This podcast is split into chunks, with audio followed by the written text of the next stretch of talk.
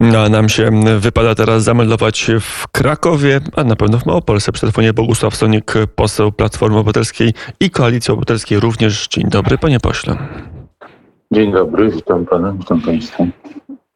I jak ze spokojnego, statecznego Krakowa wygląda e, świat? Jak wygląda stan opozycji, która w dużej części zebrała się w Olsztynie, w zupełnie innej części Polski i tam zdaje się inny klimat niż w Krakowie panuje?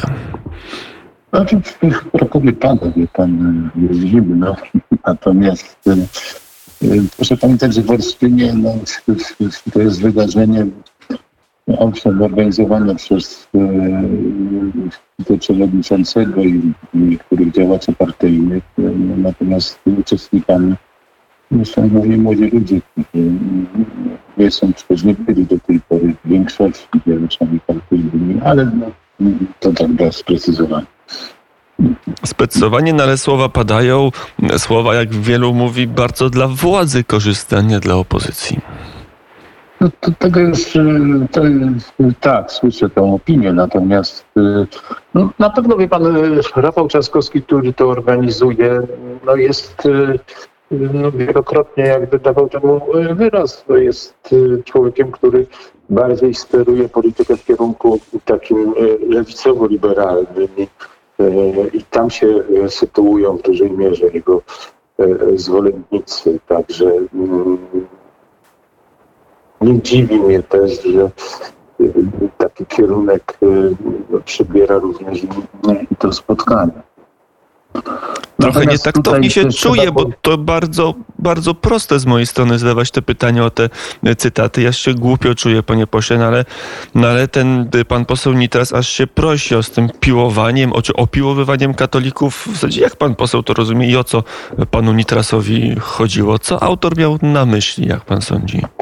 No ja słuchałem go dzisiaj rano, bo jest y, tutaj jest taka zasada jakby w polityce, że im bardziej krwistych używasz y, krwistego języka, tym stajesz się bardziej popularny i rozchwytywany przez media, więc poseł czas tam to dzisiaj y, mm, omawia w, w, różnego rodzaju mediach.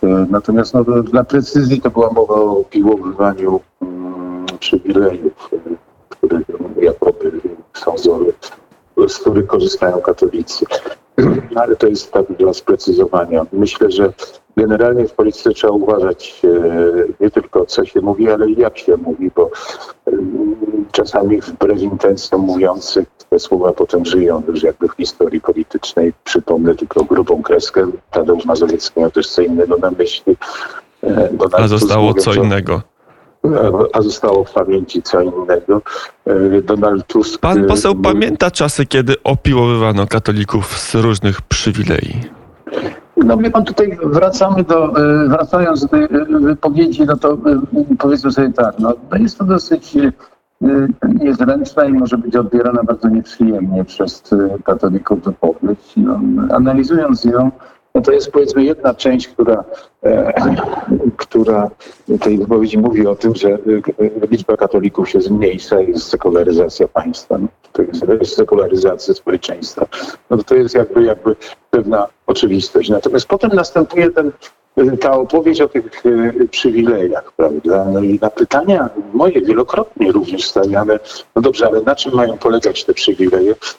To ja słyszę e, wyłącznie, że to jest fundusz kościelny i nauka religii e, w szkołach. Przypomnę, że Fundusz Kościelny, z którego korzystają różne związki wyznaniowe, który również jest przeznaczany na odnowy zabytków, to jest raptem 180 milionów złotych rocznie.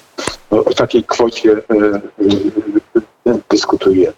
Natomiast słuchając potem posła Nitrasa, usłyszałem, że tymi przywilejami jest e, wpływ Kościoła czy katolików na kodeks rodzinny, kodeks cywilny, który uniemożliwia tym, którzy chcą ślubów E, ślubów jednopłciowych e, i różnego rodzaju inne e, jakoby przywileje, prawda, które mają mieć odzwierciedlenie w prawie rodzinnym.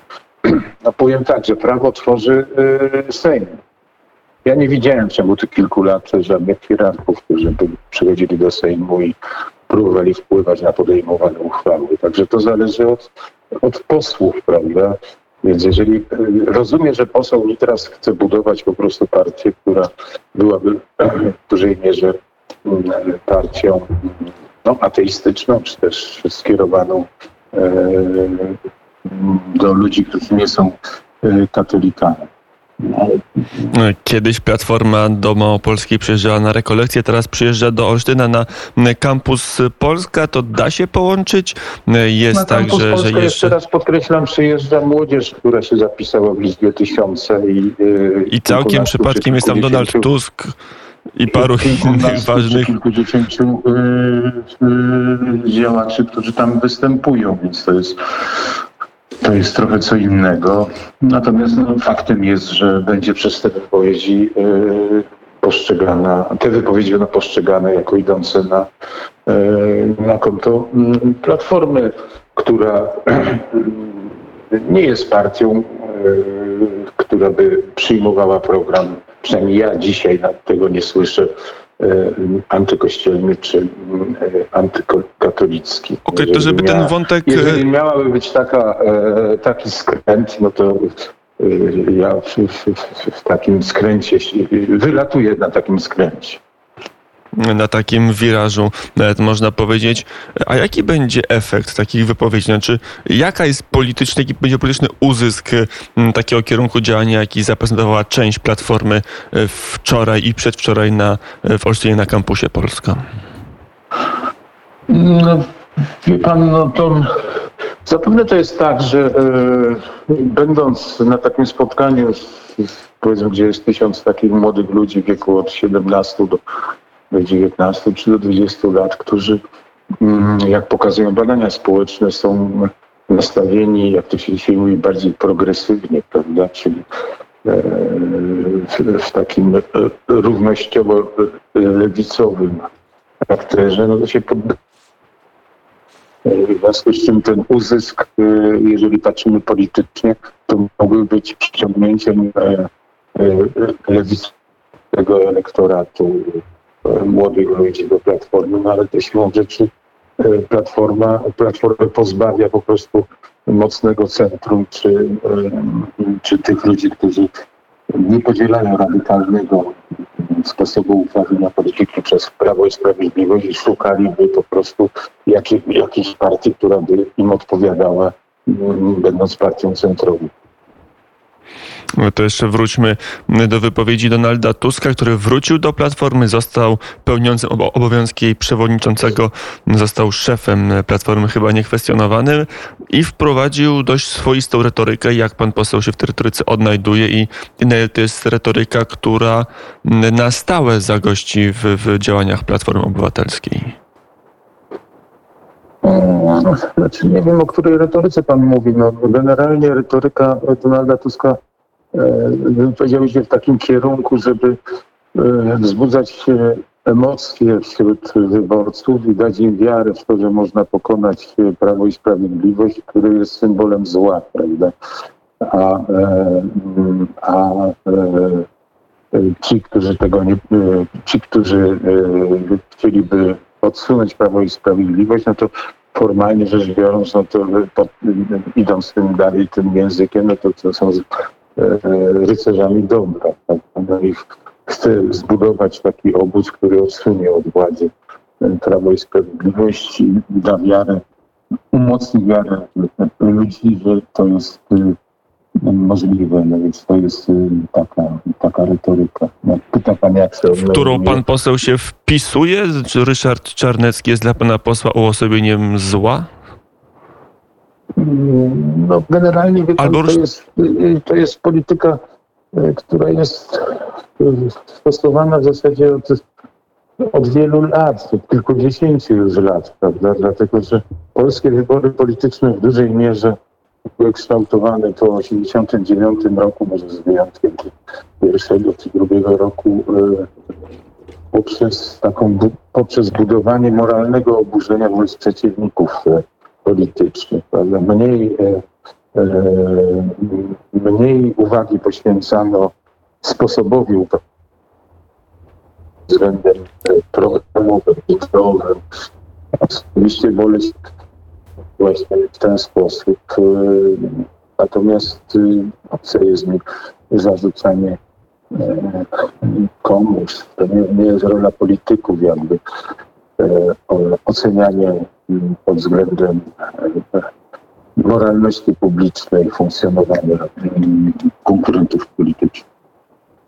A czy pan poseł, i na ile pan poseł w ogóle dobrze się czuje w obecnej sytuacji politycznej i na ile, mm, na ile dobrze jest panu w, w, w tego typu mm, bardzo agresywnym sporze, bo to przecież nie tylko Platforma, żeby być mm, w pełni szczerym, taki e, dyskurs promuje i na nim zyskuje, także Prawo i Sprawiedliwość przez lata na tym e, zyskiwało. Na ile to jest tak, że tego typu polityka w ogóle może być twórcza i może przyciągać ludzi, którzy szukają czegoś więcej poza partyjnymi interesami lub czysto oso- osobistymi interesami. No jakby polityki nie uprawia się do żeby mieć taki całkowity komfort. No żadnej partii pan nie będzie e, miał komfortu psy, psy, psychicznego czy psychologicznego takiego, że e, e, żeby się czuć doskonale. No to jest, partie są żywym organizmem, które em, podlegają takim samym presjom jak e, różne inne grupy społeczne, dobrym i złym, e, prawdziwym, nieprawdziwym, gdzie są używane różnego rodzaju metody, aby umocnić e, swoją pozycję, znane również i z korporacji zawodowych, z, z różnych innych grup zarządzania grupami społecznymi. No, Natomiast e, no, generalnie trzeba e, pamiętać o tym, że poprzez partie polityczne jakby zmieniamy rzeczywistość i poprzez aktywność społeczną te, te- tego należy upatrywać po prostu jako korzyść w funkcjonowaniu w życiu publicznym. Poza tym nie można też ograniczać, wie pan, życia politycznego i publicznego do e, e, medialnych wypowiedzi i łomotu medialnego, w którym biorą udział politycy, okładając się e, prawie codziennie w e, programach publicystycznych, które w zasadzie sprowadziły się do tego, aby zapraszać polityków z różnych ugrupowań i e, podsycać antagonizm pomiędzy nimi, żeby e, audycje były żywe. I podobno lepiej się wtedy. Tak, tylko dodam jeszcze, że pamiętajmy, że w wielu e, samorządach e, e, to jednak na szczęście wygląda inaczej i tam angażują się autentyczni działacze społeczni, którzy funkcjonują w tych samorządach, które, które no, są jakby mimo wielu wad no, po, bardzo dobrym doświadczeniem politycznym, No, przy telefonie Bogusław Sonik, e, poseł Platformy Obywatelskiej, były działacz opozycji antykomunistycznej. Mm, Nie wiem, czy pan poseł jeszcze tak szybko biega, jak e, pan poseł Franciszek Sterczewski, pana kolega z klubu parlamentarnego. No, myślę, że nadążyłbym. To No właśnie, ale, ale nie wiem, czy w tym samym biegu i w tym samym kierunku pan poseł by podążał.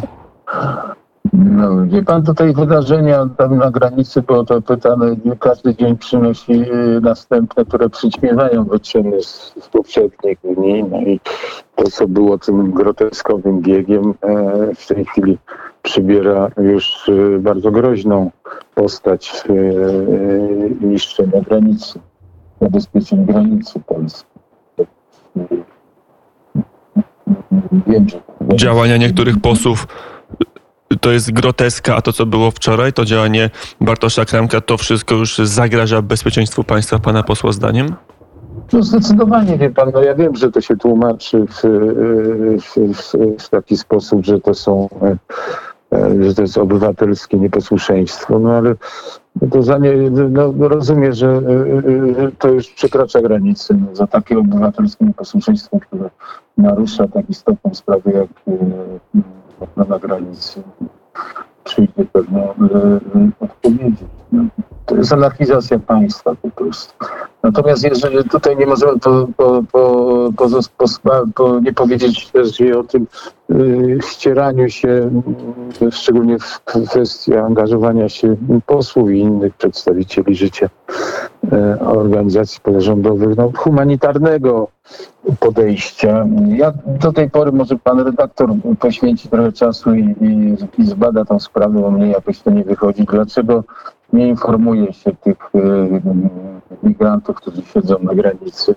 Zresztą Straż Graniczna nawet przez mikrofon, przez megafony nie, nie mówi im, żeby poszli 20 kilometrów dalej na punkt graniczny i złożyli te dokumenty, które chcą e, złożyć.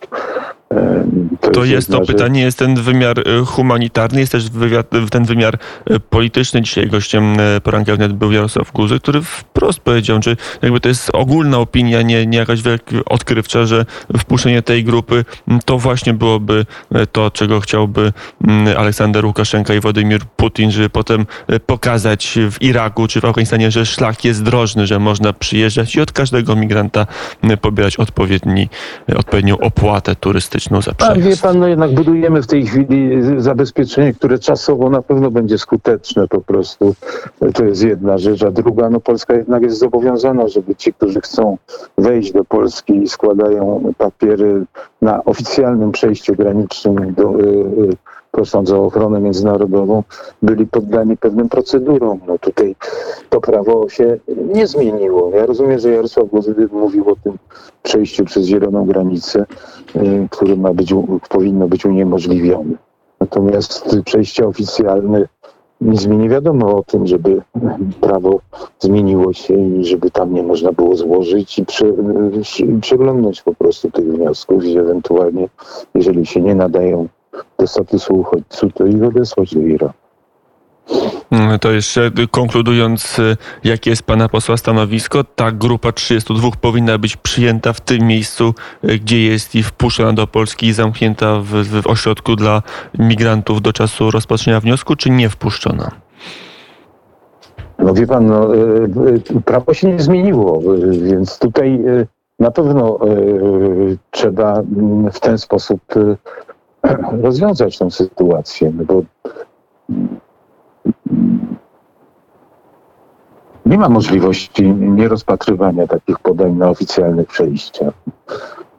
Ja rozumiem, że to jest... A w, w miejscu zielonej granicy, tam gdzie oni koczują, Polska powinna ich wnioski rozpatrzeć i wpuścić na terytorium Polski, czy nie, panie pośle? No nie, powiedziałem panu, że tam na tym miejscu powinny, powinni uzyskać informację, że jeżeli chcą poddać się polskim procedurom, a oni chyba niespecjalnie chcą poddawać tym procedurom, bo chcą dotrzeć do Niemiec czy do Szwecji. No, Ale to już jest ich sprawa. Natomiast pyta mnie pan, czy tam mają przekroczyć? Nie mogą tam przekroczyć. Natomiast można ich poinformować, że 20 kilometrów dalej jest przejście graniczne, do którego mogą się zgłosić.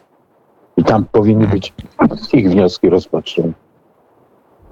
E, powiedział Bogusław Sonik, e, poseł Platformy Obywatelskiej z Krakowa. Mm, Dziękuję bardzo za rozmowę. Dziękuję. Miłego dnia. I do usłyszenia i miłego dnia również pogodnego dnia na w Małopolsce, bo u nas na Mazowszu jeszcze jest pogodnie i oby tak mm, zostało wbrew temu, co mówią prognozy mm, pogody na zegarach godzina 8.57. Tu kończymy poranek wnet. Dziękuję Państwu bardzo za uwagę i do usłyszenia. My się usłyszymy już jutro o godzinie 16 w popołudniu wnet. Jutro na poranek zapraszam w imieniu Magdaleny Haniuk, a teraz czas za kilka minut na serwis mm, informacyjny, a potem dalej dzień się będzie dział w Radio Wnet, więc nie trzeba się daleko oddalać od radioodbiorników. A ja mówię tymczasem do usłyszenia.